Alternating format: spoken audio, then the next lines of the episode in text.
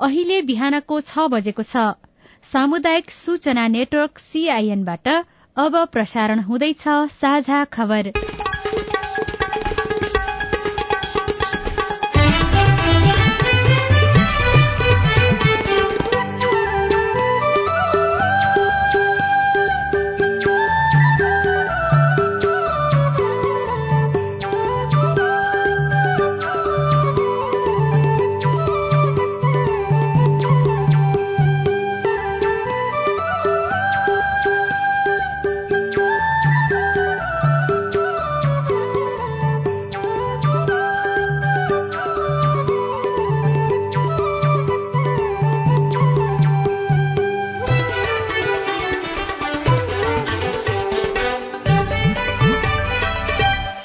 शुभ प्रभात यो सीआईएनको साझा खबर हो उषा तामाङसँगै राजन उर्जालको तपाईँलाई स्वागत छ। सामुदायिक रेडियोबाट देशैभरि एकैसाथ प्रसारण भइरहेको साझा खबर सीआईएन खबर डट कम र मोबाइल एप सीआईएनबाट पनि सुन्न सकिन्छ। आज दुई हजार उनासी साल असोज बाह्र गते बुधबार सेप्टेम्बर अठाइस तारीक सन् दुई हजार बाइस नेपाल सम्मत एघार सय बयालिस आश्विन शुक्ल पक्षको तृतीया तिथि विश्व रेबिज विरूद्धको दिवस। साझा खबरमा प्रमुख खबरका शीर्षकहरू। निर्वाचन आचार संहिता लागू प्रधानमन्त्रीदेखि मन्त्रीसम्मलाई प्रचार प्रसारमा रोक कांग्रेसभित्र समानुपातिक सूची विवाद उत्कर्षमा सच्याउन सभापति देउवा तयार। चाडपर्वको चहल पहलले डेंगी संक्रमण झन बढ़ायो दशैंमा घर जाँदा संक्रमण फैलिन सक्ने जोखिमबारे ख्याल गर्न विज्ञको सुझाव अध्यादेश मार्फत निजी क्षेत्रलाई बिजुली व्यापार अनुमति दिइँदै। खाद्यका लागि खसी बोका आजदेखि बिक्रीमा दशैंमा घर फर्किने नेपाली नाकामै ठगिन्छन्। उद्यमशीलता विकासका लागि विद्यार्थीलाई चालिस लाखसम्म अनुदान दिइने। जापानका पूर्व प्रधानमन्त्री आवेको राजकीय अन्त्येष्टि क्युबा सरकारले समलिङ्गी विवाहलाई मान्यता दिने इण्डोनेसियामा पहिरोमा परि छ जनाको मृत्यु। र मैत्रीपूर्ण फुटबलमा बंगलादेशमाथि नेपालको जित नेपाल टी ट्वेन्टी लीग मंगिर छब्बीस गतेबाट हुने।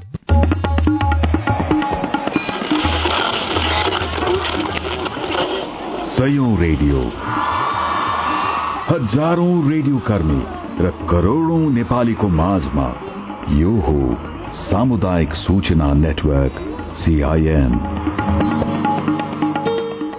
साझा खबरको सबैभन्दा शुरूमा गए रातीबाट लागू भएको निर्वाचन आचार संहिता बारेको प्रसंग निर्वाचन आयोगले मंगलबार मध्यरातदेखि आचार संहिता लागू गरेसँगै सरकारी निकाय वा सार्वजनिक संस्था वा अर्ध सरकारी संस्था सुरक्षा निकाय संचार माध्यम लगायतले निष्पक्ष ढंगले प्रस्तुत हुनुपर्ने भएको छ।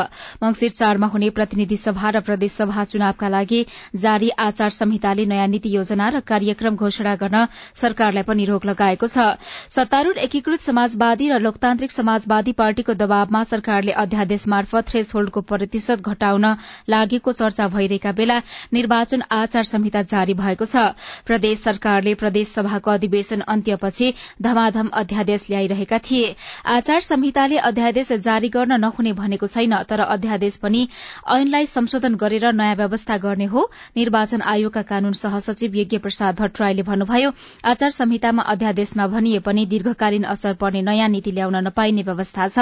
आचार संहिता लागू भएपछि वार्षिक बजेट तथा कार्यक्रममा उल्लेख भएका बाहेक कार्यक्रम घोषणा स्वीकृत र सञ्चालन गर्न पाइने छैन। निर्वाचन घोषणा भइसकेपछि अर्थ मन्त्रालयले पैंतालिस अर्ब रूपियाँ रकमान्तर स्रोतान्तर र थप निकासा गरेको विषयमा भने निर्वाचन आयोग मौन छ। प्रदेशले निर्वाचन क्षेत्र कार्यक्रम अनुसार बजेट निकासा गर्न खोज्दा भने आयोगले रोकेको थियो। आचार संहिता लागू भएसँगै अब शिलान्यास उद्घाटन सर्वेक्षण सम्भाव्यता अध्ययन र अनुदानका कार्यक्रम पनि गर्न पाइँदैन। राजनैतिक नियुक्ति नयाँ पद सृजना पदपूर्ति भत्तावृद्धि लगायतको आर्थिक सुविधा र पुरस्कार प्रदान गर्न पनि आचार संहिताले रोक लगाएको प्रवक्ता शालिग्राम शर्मा पौडेलले सीआईएनलाई जानकारी दिनुभयो। नेपाल सरकार प्रदेश सरकार स्थानीय तह यसका पदाधिकारी यसमा कार्यरत कर्मचारी र यी सरकार मातहत रहेका विभिन्न संघ संस्थान प्रतिष्ठानहरू कलेज विद्यालय सबैलाई आचार संहिता लागू हुनेछ। राजनीतिक दल उम्मेद्वार पर्यवेक्षकहरू अनुगमनकर्ताहरू सञ्चार माध्यमहरू मतदाताहरू डेभलपमेन्ट पार्टनरहरू सबैलाई यो आचार संहिता लागू हुन्छ।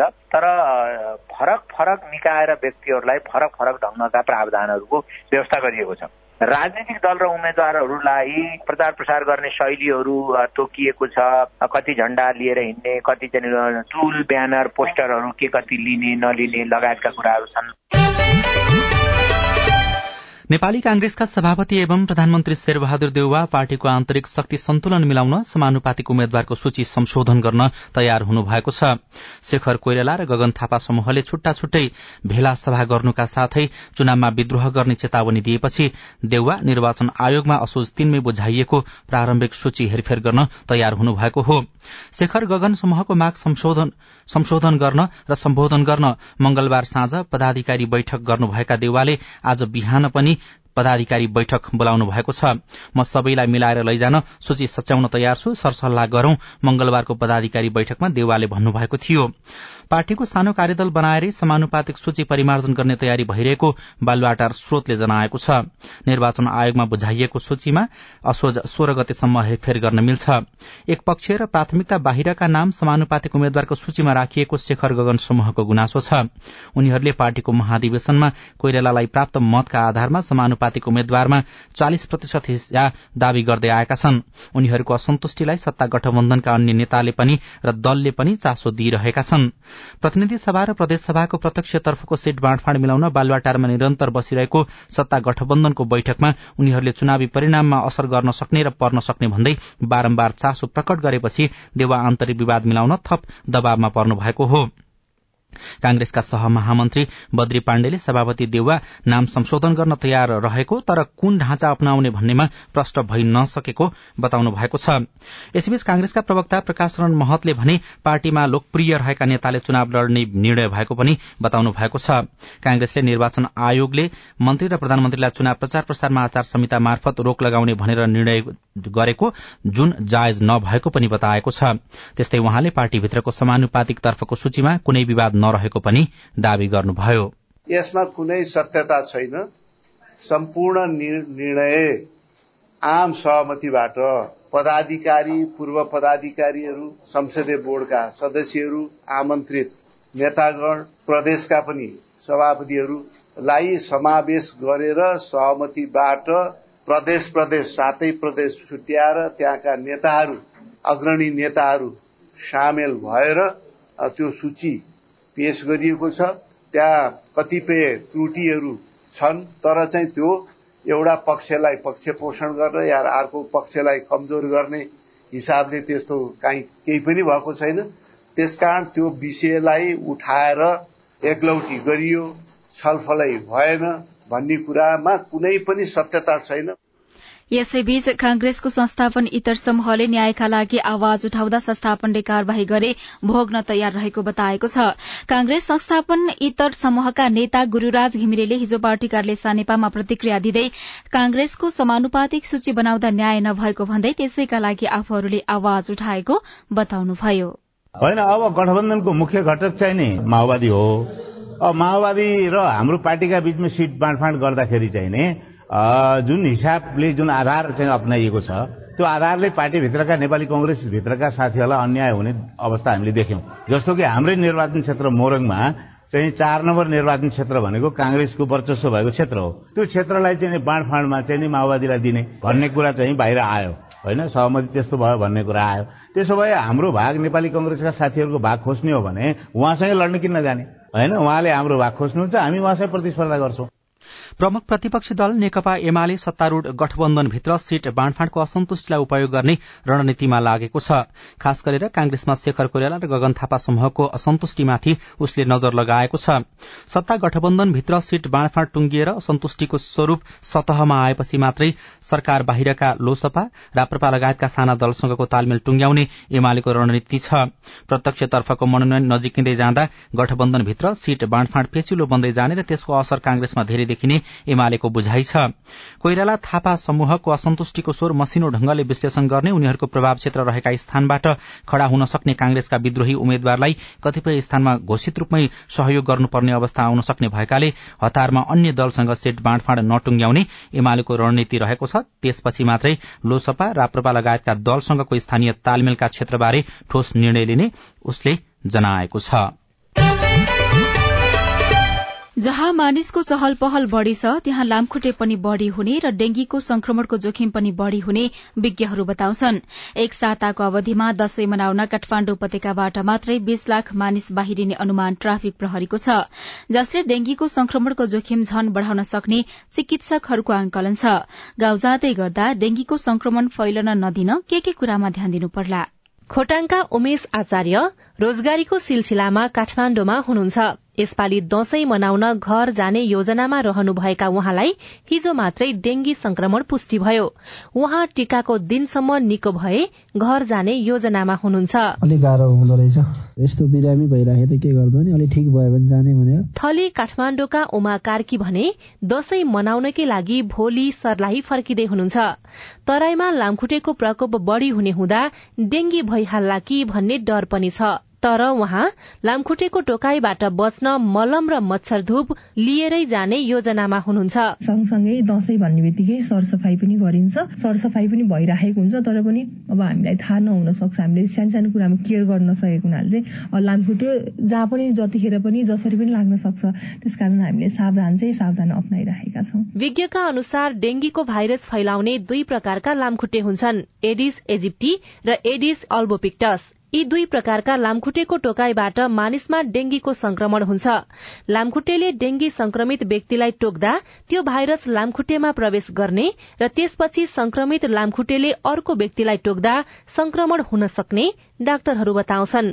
जनस्वास्थ्य विज्ञ डाक्टर बाबुराम मरासिनी। मान्छे संक्रमित हो कि होइन भनेर टेस्ट नगरिकन जाने हो भने चाहिँ लामखुट्टे त्यहाँ पर्याप्त रहेछन् भने अब त्यहाँबाट एउटालाई टोकेपछि त्यो बिरामीलाई टोकेपछि बिरामीबाट आउँदा सर्ने तर जसको अब चाहिँ अलिकति अब लक्षण भएर अनि त्यसपछि अलिक ज्वरो सोरो कम हुँदै गएका मान्छेहरू जानुभयो भने उहाँहरू अलिकति सतर्क हुनु पर्यो अरूलाई नसरोस् भन्ने कुरा सतर्क हुनु पर्यो दशैं मनाउनका लागि काठमाण्डु उपत्यकाबाट मात्रै बीस लाख मानिस बाहिरिने ट्राफिक प्रहरीको अनुमान छ। विशेष गरी पहाड़ी जिल्लामा भन्दा तराईका जिल्लाहरूमा लामखुट्टे बढ़ी हुने हुँदा तराई जाने व्यक्ति अझ बढ़ी सचेत हुनुपर्ने डाक्टरहरू बताउँछन्। लामखुट्टेको टोकाईबाट बस्नु र लामखुट्टेको संख्या नियन्त्रण गर्नु नै डेंगी संक्रमण फैलिनबाट रोक्ने मुख्य उपाय हो भन्नुहुन्छ जनस्वास्थ्य विज्ञ डाक्टर अनुप सुवेदी। लामो बाहुला लुगा लगाउने। सकेसम्म बिहान साँझ त्यो लामखुट्टे आएर टोक्ने ठाउँमा नबस्ने। अथवा बस्दाखेरि त्यो अब भनौँ न निश्चित त्यो धुप हालेर लामखुट्टेबाट साँच्चै जोगिने गरी होइन अथवा त्यो कहिले काहीँ केही मलमहरू पाइन्छ लामखुट्टे निरोधक भनौँ त्यस्तो मलम प्रयोग गरेर बस्ने होइन। बच्चा बच्चीलाई पनि त्यो एकदम लामो बाहुला भएको लुगाहरू लगाएर अनि सकेसम्म मोजा नै लगाइदिएर होइन त्यसरी चाहिँ सावधानी अप्नाउने र अनि त्यहाँ गाउँघरमा अब कतै त्यहाँ पानी जमेको छ त्यस्तो छ भने त्यो जमेको पानी चाहिँ बगाइदिने। काठमाडौँ उपत्यका सहित देशभर डेंगी संक्रमण प्रकोपकै रूपमा फैलिरहेको छ। डेंगी संक्रमणबाट हालसम्म छयत्तर जिल्लाका पच्चीस हजार भन्दा बढ़ी संक्रमित भइसकेका छन् भने बत्तीस जना बढ़ीको मृत्यु भइसकेको छ। सुशीला श्रेष्ठ सीआईएन काठमाडौँ।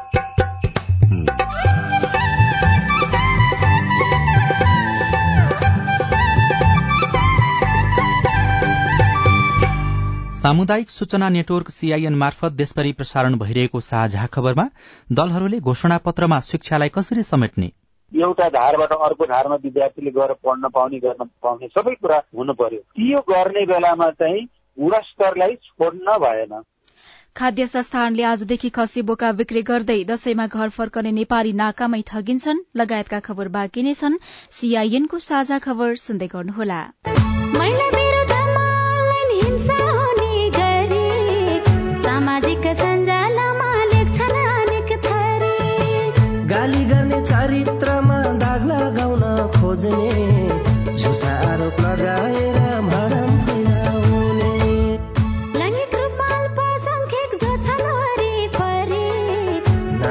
थरी हिंसा गर्छन् होच्याउने गरी। नजिस्काउनु शरीर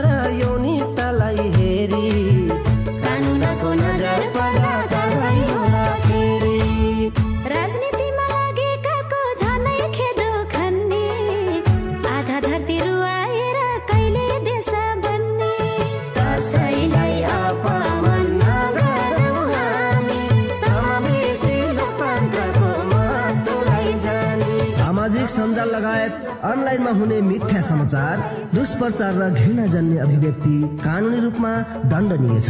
अनलाइन हिंसा नगरौं र नसहौं युएसएआईडी र एनडिआई नेपालको आर्थिक तथा प्राविधिक सहयोगमा पर्पल फाउन्डेसनको चेतनामूलक सन्देश। सामाजिक रूपान्तरणका लागि यो हो सामुदायिक सूचना नेटवर्क सीआईएन तपाईँ अहिले देशभरिका सामुदायिक रेडियो सीआईएन खबर डट कम र मोबाइल एप सीआईएनबाट एकैसाथ साझा खबर सुन्दै हुनुहुन्छ। मोबाइल एप नेपाली पात्रोबाट पनि सीआईएनको साझा खबर सुनिरहनु भएको छ।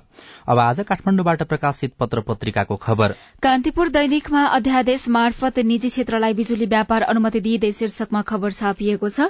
सरकारले विद्युत ऐन दुई हजार उनापचासलाई अध्यादेश मार्फत संशोधन गरेर निजी क्षेत्रलाई विद्युत व्यापारको अनुमति तयारी गरेको छ। गत शुक्रबार बसेको मन्त्री परिषद बैठकले विद्युत सम्बन्धी कानूनलाई संशोधन र एकीकरण गर्ने अध्यादेश ल्याउने निर्णय गरेको हो। अध्यादेश प्रमाणीकरणका लागि राष्ट्रपतिको कार्यालयमा पठाइसकेको छ। राष्ट्रपतिबाट प्रमाणीकरण भएपछि यो व्यवस्था कार्यान्वयनमा आउनेछ। अहिले कार्यान्वयनमा रहेको विद्युत ऐन दुई हजार उनपचासले निजी क्षेत्रलाई बिजुलीको प्रसारण वितरण र व्यापारको अनुमति दिने व्यवस्था गरेको छैन।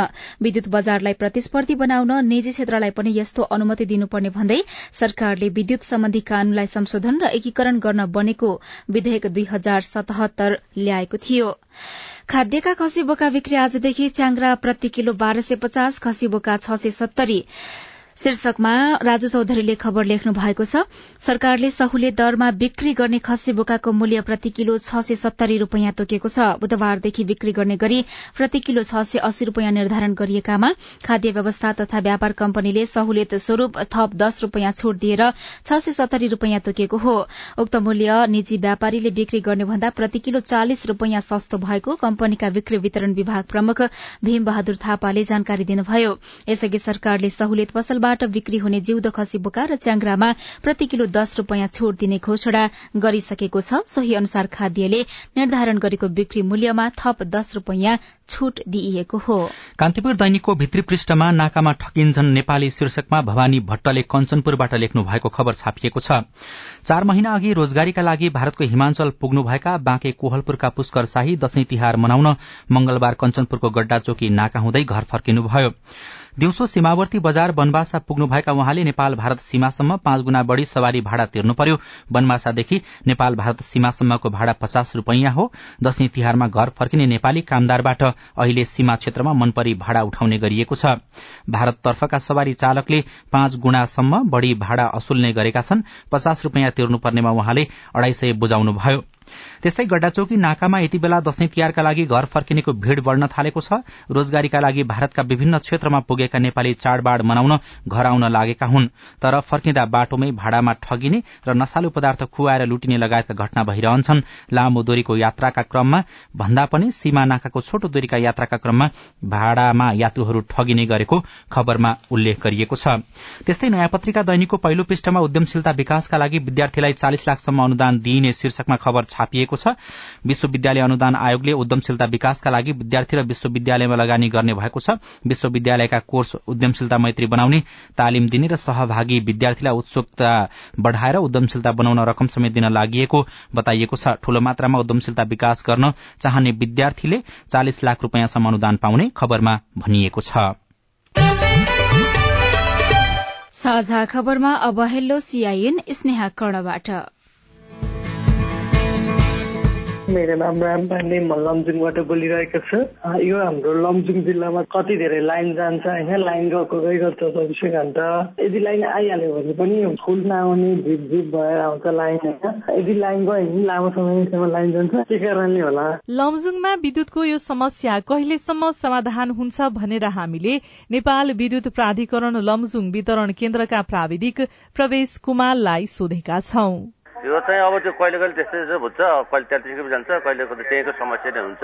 भोल्टेज अब त्यो ट्रान्सफरको कमीले नै हुन्छ सर। लामो लामो दुरी तानेको हुन्छ। त्यो भएर चाहिँ त्यस्तो भोल्टेज कम हुन्छ। पहिला सामुदायिक चलाएको थियो यो। अहिले चाहिँ प्राधिकरण भर्खर भर्खर एक डेढ महिना भएको छ कि अब। यो सामुदायिक हुँदाखेरि समस्या हो। अहिले प्राधिकरण चलाएको छ प्राधिकरण चलाएपछि गर्ला। पाँच छ महिना लाग्न सक्छ भोल्टेज सुधारको लागि। नमस्ते म सुन्दर खनाल चापाकोट नगरपालिका स्याङ्जाबाट। नियुक्त भएको छ महिना नपुगेको करार सूचकलाई चाडपर्व बापतको दसैँ खर्च भत्ता दिन मिल्छ कि मिल्दैन होला। सुन्दरजी तपाईँको जिज्ञासाको बारेमा हामीले चापाकोट नगरपालिकाको शिक्षा शाखामा बुझेका थियौं।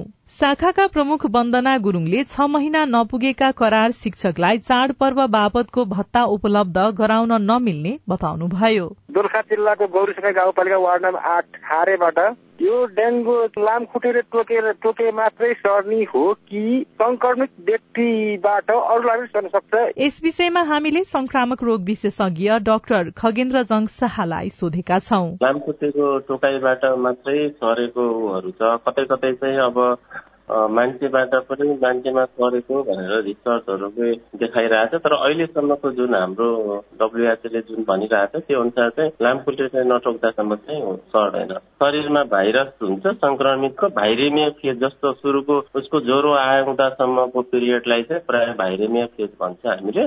ब्लडमा भाइरस भएको समयमा चाहिँ हामीले त्यो मान्छेको ब्लड चाहिँ अर्को मान्छेमा दियो भने चाहिँ सर्छ त्यो चाहिँ। तपाईँ जुनसुकै बेला हाम्रो टेलिफोन नम्बर शून्य एक बान्न साठी छ चार छमा फोन गरेर आफ्नो विचार गुनासो प्रश्न तथा प्रतिक्रिया रेकर्ड गर्न सक्नुहुनेछ।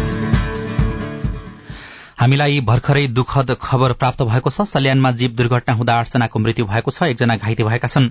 आज बिहान साढे तीन बजेतिर कपुरकोट गाउँपालिका छ रिम जलवाङमा रा एक ज पाँच सय त्रिसठी नम्बरको जीव दुर्घटना हुँदा आठजनाको मृत्यु भएको सल्यानका प्रमुख जिल्ला अधिकारी विपिन आचार्यले जानकारी दिनुभयो। रेडियो शारदा एफएम सल्यानले खबर पठाएको छ। साझा खबरमा अब विदेशका खबर। जापानका पूर्व प्रधानमन्त्री सिन्जो आवेको राजकीय अन्त्येष्टि गरिएको छ। राजधानी टोकियोमा आवेको अन्तिम विदाईमा विश्वभरका नेता सामेल भएका थिए। आवेको तीन महिना पहिले हत्या भएको थियो। जापानमा सामान्यतया राज परिवारका सदस्यको निधन हुँदा मात्रै राजकीय अन्त्येष्टिको व्यवस्था हुने गर्छ। तर लामो समयसम्म प्रधानमन्त्री पदमा रहेको भन्दै आवेको पनि राजकीय अन्त्येष्टि गरिएको हो। क्युबा सरकारले समलिङ्गी विवाहलाई मान्यता दिने भएको छ। आइतबार भएको जनमत संग्रहमा झण्डै दुई तिहाईले नयाँ परिवार संहितालाई समर्थन गरेका हुन्। नयाँ कानूनले महिलाहरूलाई थप अधिकार दिएको त्यहाँको निर्वाचन आयोगले बताएको छ। कुल मतदाता मध्ये उन्चालिस लाख भन्दा बढ़ी छैसठी दशमलव नौ पाँच प्रतिशतले संहिताको पक्षमा मत दिएका अन्तर्राष्ट्रिय संचार माध्यमले जनाएका छन्। सय पृष्ठको परिवार संहिताले समलिङ्गी विवाहलाई वैध जनाउँदै जोडीलाई बच्चा अंगीकार गर्ने बाटो खुला गरेको छ। र इण्डोनेसियामा पहिरोमा परि छ जनाको मृत्यु भएको छ। परम्परागत सुनखानीमा गएको पहिरोमा परि अरू तीनजना हराइरहेका छन्। अब खेल खबर नेपालले मैत्रीपूर्ण फुटबल खेलमा बंगलादेशलाई हराएको छ। दशरथ रंगशालामा हिजो भएको खेलमा नेपालले बंगलादेशलाई तीनौ गोल अन्तरले हराएको हो। नेपालको जितमा अञ्जन विष्टले ह्याट्रिक गर्नुभयो। यससँगै अञ्जन नेपालका लागि अन्तर्राष्ट्रिय फुटबलमा ह्याट्रिक गर्ने छैटौं खेलाड़ी बन्नुभएको छ। राष्ट्रिय टोलीका लागि अञ्जनको यो दशौं गोल समेत हो।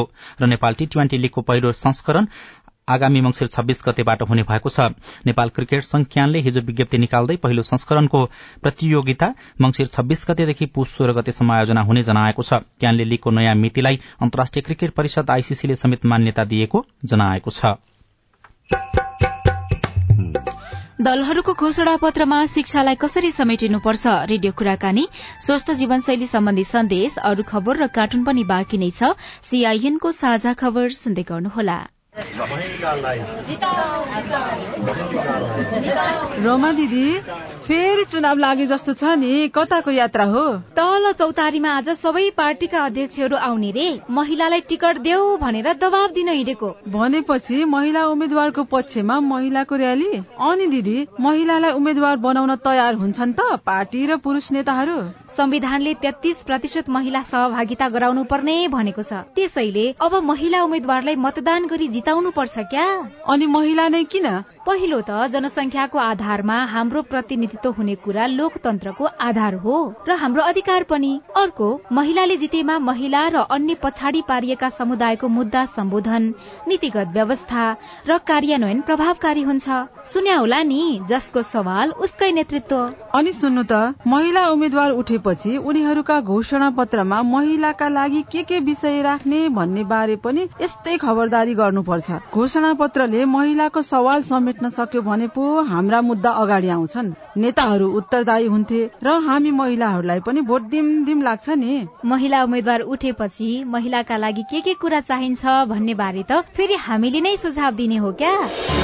आगामी मंगिर चारको प्रतिनिधि र प्रदेशसभा निर्वाचनका लागि संविधानको व्यवस्था अनुसार महिला उम्मेद्वारलाई मतदान गरौं। महिला पुनस्थापना केन्द्र ओरेक नेम्स केयर नेपाल र सामुदायिक सूचना नेटवर्क सीआईएन सामाजिक रूपान्तरणका लागि यो हो सामुदायिक सूचना नेटवर्क सीआईएन साझा खबरमा अब दलहरूको घोषणा पत्रमा शिक्षाको प्रसंग संविधान जारी भएपछिको प्रतिनिधि प्रदेशसभा र स्थानीय तहका लागि राजनैतिक दलहरूले तीन पटक घोषणा पत्र लेखिसकेका छन्। मंगिर चारमा हुने प्रतिनिधि र प्रदेशसभाको घोषणा पत्र लेखनमा व्यस्त दलहरूले विगतबाट के पाठ सिक्नुपर्छ? हामीले शिक्षाविद प्राध्यापक डाक्टर लेखनाथ शर्मालाई सोधेका छौं। व्यावसायिक शिक्षा भोकेसनल शिक्षा जुन हामी भन्छौँ प्राविधिक शिक्षा त्यतातिर चाहिँ युथहरूलाई ल्याउनु पर्ने हुन्छ अहिले। कतिपय देशहरूमा हामीले देख्छौँ छ महिना लागेर चाहिँ उत्पादन हुने कृषि जन्य वस्तुहरू तिन महिनामा ल्याउने तरकारीका कतिपय चिजहरू नौदेखि बाह्र दिनमा टिप्ने योग्य बनाउने त्यस किसिमको प्रविधिको विकास। अब आफ्नो परम्परागत तरिका पनि छँदैछ। त्यो परम्परागत तरिकामा चाहिँ प्रविधिको उपयोग गरेर यस किसिमबाट उत्पादन गर्ने गरिकन शिक्षालाई त्यसरी संरक्षित गर्न पायो भने उन्नति पनि हुन्थ्यो सुधार हुन्थ्यो भन्ने लाग्छ। विद्यार्थीहरूलाई कृषि उत्पादनमा जोड्नुपर्छ भन्न खोज्नु भयो हामीले चाहिँ सामान प्याकिङ गर्ने बक्स बनाउनु पर्यो भने यहाँ चाहिँ केही सिकाउने कुरो छैन होला हाम्रो मलाई जस्तो लाग्छ होइन। हाम्रो जीवनलाई चाहिने सामान्य भन्दा सामान्य चिजहरू हामीले आफ्नो कच्चा पदार्थ आफ्नो चिजबाट अथवा केही चिज आयात गरेर भने पनि गर्न सकिन्छ भने त्यस किसिमले सिप चाहिँ साँच्चै सिपमूलक हुन पर्यो क्या अहिलेसम्म राजनीतिक दलहरूले घोषणा पत्र लेखे विगतका चुनावमा त्यो लेखेको कुराहरू यस्तो खालको थिएन योसँग मिल्दोजुल्दो थिएन? भन्ने बेलामा त सत्तरी पर्सेन्टलाई व्यावसायिक शिक्षा दिने भनियो नि त। व्यावसायिक शिक्षा दिनलाई चाहिने न्यूनतम पूर्वाधार यिनीहरूले तयार गर्न सकेन चार सय कति विद्यालय भइसकेन होला त्यहाँ चाहिँ टिचर त्यो किसिमको टिचरको व्यवस्थापन गर्न सकिया छैन। व्यावसायिक शिक्षा भनेको त वर्कसपमा काम गरेर फार्ममा काम गरेर गर्न पर्ने चिज हो भनेदेखि विद्यार्थीहरूले त्यहाँ बसेर डिजाइन गर्ने उहाँ गएर प्रयोग गर्ने अनि तिनीहरूसँग जोड्ने। अब यस्तो किसिमको छैन। हाम्रो औद्योगिकरण नै कम छ क्या विगतमा राजनैतिक दलहरूले घोषणा पत्रमा लेखेको कुरा त्यो व्यवहारमा कार्यान्वयन गरेनन् अथवा व्यवहारमा कार्यान्वयन गर्नको लागि अरू कुनै समस्या चुनौती देखिएको ठान्नुहुन्छ? कार्यान्वयन त धेरै हुँदै भएन। प्रष्टै कुरा हो। र अहिले पनि घोषणा पत्र कसैले लेख्छन् भनेदेखि पाँच वर्षको समयमा के चिज गर्न सकिने हो डुएबल मात्रै आउनु पर्यो क्या आशा जगाउने कुरो पनि आउनुपर्छ जति गर्छु भनेको चिज त्यो चाहिँ भेटिँदैन। स्कुल बनाइदिएर गाउँ गाउँमा एक्सेस त भयो होला नि। तर एक्सेसमा क्वालिटी जोडिनु पर्यो नि सस्टेनेबल हुनु पर्यो नि एजुकेसन त। आफ्नो घोषणा पत्रमा छुट्याएका तर अहिलेको चुनावको लागि घोषणा पत्रमा समावेश गरेर कार्यान्वयन गर्नुपर्ने कुरा चाहिँ के लाग्छ यहाँलाई? पहिलो कार्यान्वयन गर्नुपर्ने आधारभूत शिक्षाको गुणस्तर र पहुँच सुनिश्चित हुनु पर्यो राज्यको तर्फबाट। त्यहाँ दुई थरी तिन थरी शिक्षा भइरहेको कुरो आधारभूत शिक्षा भन्दा माथि गइसकेपछि व्यावसायिक धार र अर्को धारलाई प्रष्ट रूपमा चाहिँ छुट्याइदिएर राखिदिनु पर्यो। एउटा धारबाट अर्को धारमा विद्यार्थीले गएर पढ्न पाउने गर्न पाउने सबै कुरा हुनु पर्यो। यो गर्ने बेलामा चाहिँ गुणस्तरलाई छोड्न भएन। आगामी निर्वाचनको लागि दलहरूले घोषणा पत्र लेख्दाखेरि शिक्षासँग सम्बन्धित विषयवस्तुको लागि कस्तो प्रकारको तयारी गरे भने त्यो पूरा हुने खालको घोषणा पत्र बन्न सक्छ? सरकारी विश्वविद्यालय हो सरकारी संरचना हो त्यसैले फी तिर्नु पर्दैन भन्ने मान्यता एकातिर बढ्ने अनि दिएको चिजले चाहिँ पुरा नहुने एउटा त्यो बाटो रह्यो। अर्को भएको स्रोतको यथोचित प्रयोग हुन पर्यो क्या नाजायज क्षेत्रमा वर्षा प्रयोग गर्ने जायज ठाउँमा प्रयोग कम हुने हाम्रो अवस्था के छ। त्यसैले त्यो चिज घटाउनु पर्यो। कुराकानीसँगै हामी साझा खबरको अन्त्यमा आइपुगेका छौं। सामुदायिक रेडियो प्रसारक संघद्वारा संचालित सीआईएनको बिहान छ बजेको साझा खबर सक्नु अघि मुख्य मुख्य खबर फेरि एकपटक। सल्यानमा जीव दुर्घटना हुँदा आठजनाको मृत्यु। निर्वाचन आचार संहिता लागू। प्रधानमन्त्रीदेखि मन्त्रीसम्मलाई प्रचार प्रसारमा रोक। कांग्रेसभित्र समानुपातिक सूची विवाद उत्कर्षमा। चाडपर्वको चहल पहलले डेंगी संक्रमण झन बढ़ायो। दशैंमा घर जाँदा संक्रमण फैलिन सक्ने जोखिमबारे ख्याल गर्न विज्ञको सुझाव अध्यादेश मार्फत निजी क्षेत्रलाई बिजुली व्यापार अनुमति दिइँदै खाद्य संस्थानले आजदेखि खसी बोका बिक्री गर्दै दशैंमा घर फर्कने नेपाली नाकामै ठगिन्छन्। उद्यमशीलता विकासका लागि विद्यार्थीलाई चालिस लाखसम्म अनुदान दिइने। जापानका पूर्व प्रधानमन्त्री आबेको राजकीय सम्मानका साथ अन्त्येष्टि क्युबा सरकारले समलिङ्गी विवाहलाई मान्यता दिने इण्डोनेसियामा पहिरोमा परि छ जनाको मृत्यु। र मैत्रीपूर्ण फुटबलमा बंगलादेशमाथि नेपालको जित नेपाल टी ट्वेन्टी लीग मंगिर छब्बीस गतेबाट हुने। साझा खबरको अन्त्यमा कार्टुन लिएका छौं नयाँ पत्रिका दैनिकबाट कर्नर किक शीर्षकमा रवि मिश्रले बनाउनु भएको कार्टुन रहेको छ। वैकल्पिक शक्तिको उद्घोष गर्दै पत्रकारिताबाट राजनीतिमा प्रवेश गरेका रविन्द्र मिश्र राप्रपा प्रवेश गर्दै हुनुहुन्छ। त्यही कुरालाई व्यङ्ग्य गर्न खोजिएको छ। यहाँ मिश्र र राप्रपाका अध्यक्ष राजेन्द्र लिङ्गदेन जस्ता देखिने व्यक्ति अङ्कमाल गर्दै बसिरहेको देखाइएको छ अनि माथि चाहिँ यस्तो लेखिएको छ। होइन होइन तराजु होइन क्या? अब सगोलमा दोकान थापेर राजालाई बेच्ने? हवस् त प्राविधिक साथी सुनिल राज भारतलाई धन्यवाद। अहिलेलाई राजन रुचाल र उषा तामाङ विदा भयौं। तपाईँको आजको दिन शुभ होस्। नमस्कार। यसपछि देशभरिका सामुदायिक रेडियोबाट कार्यक्रम साझा पहल प्रसारण हुनेछ। सुन्ने प्रयास गर्नुहोला।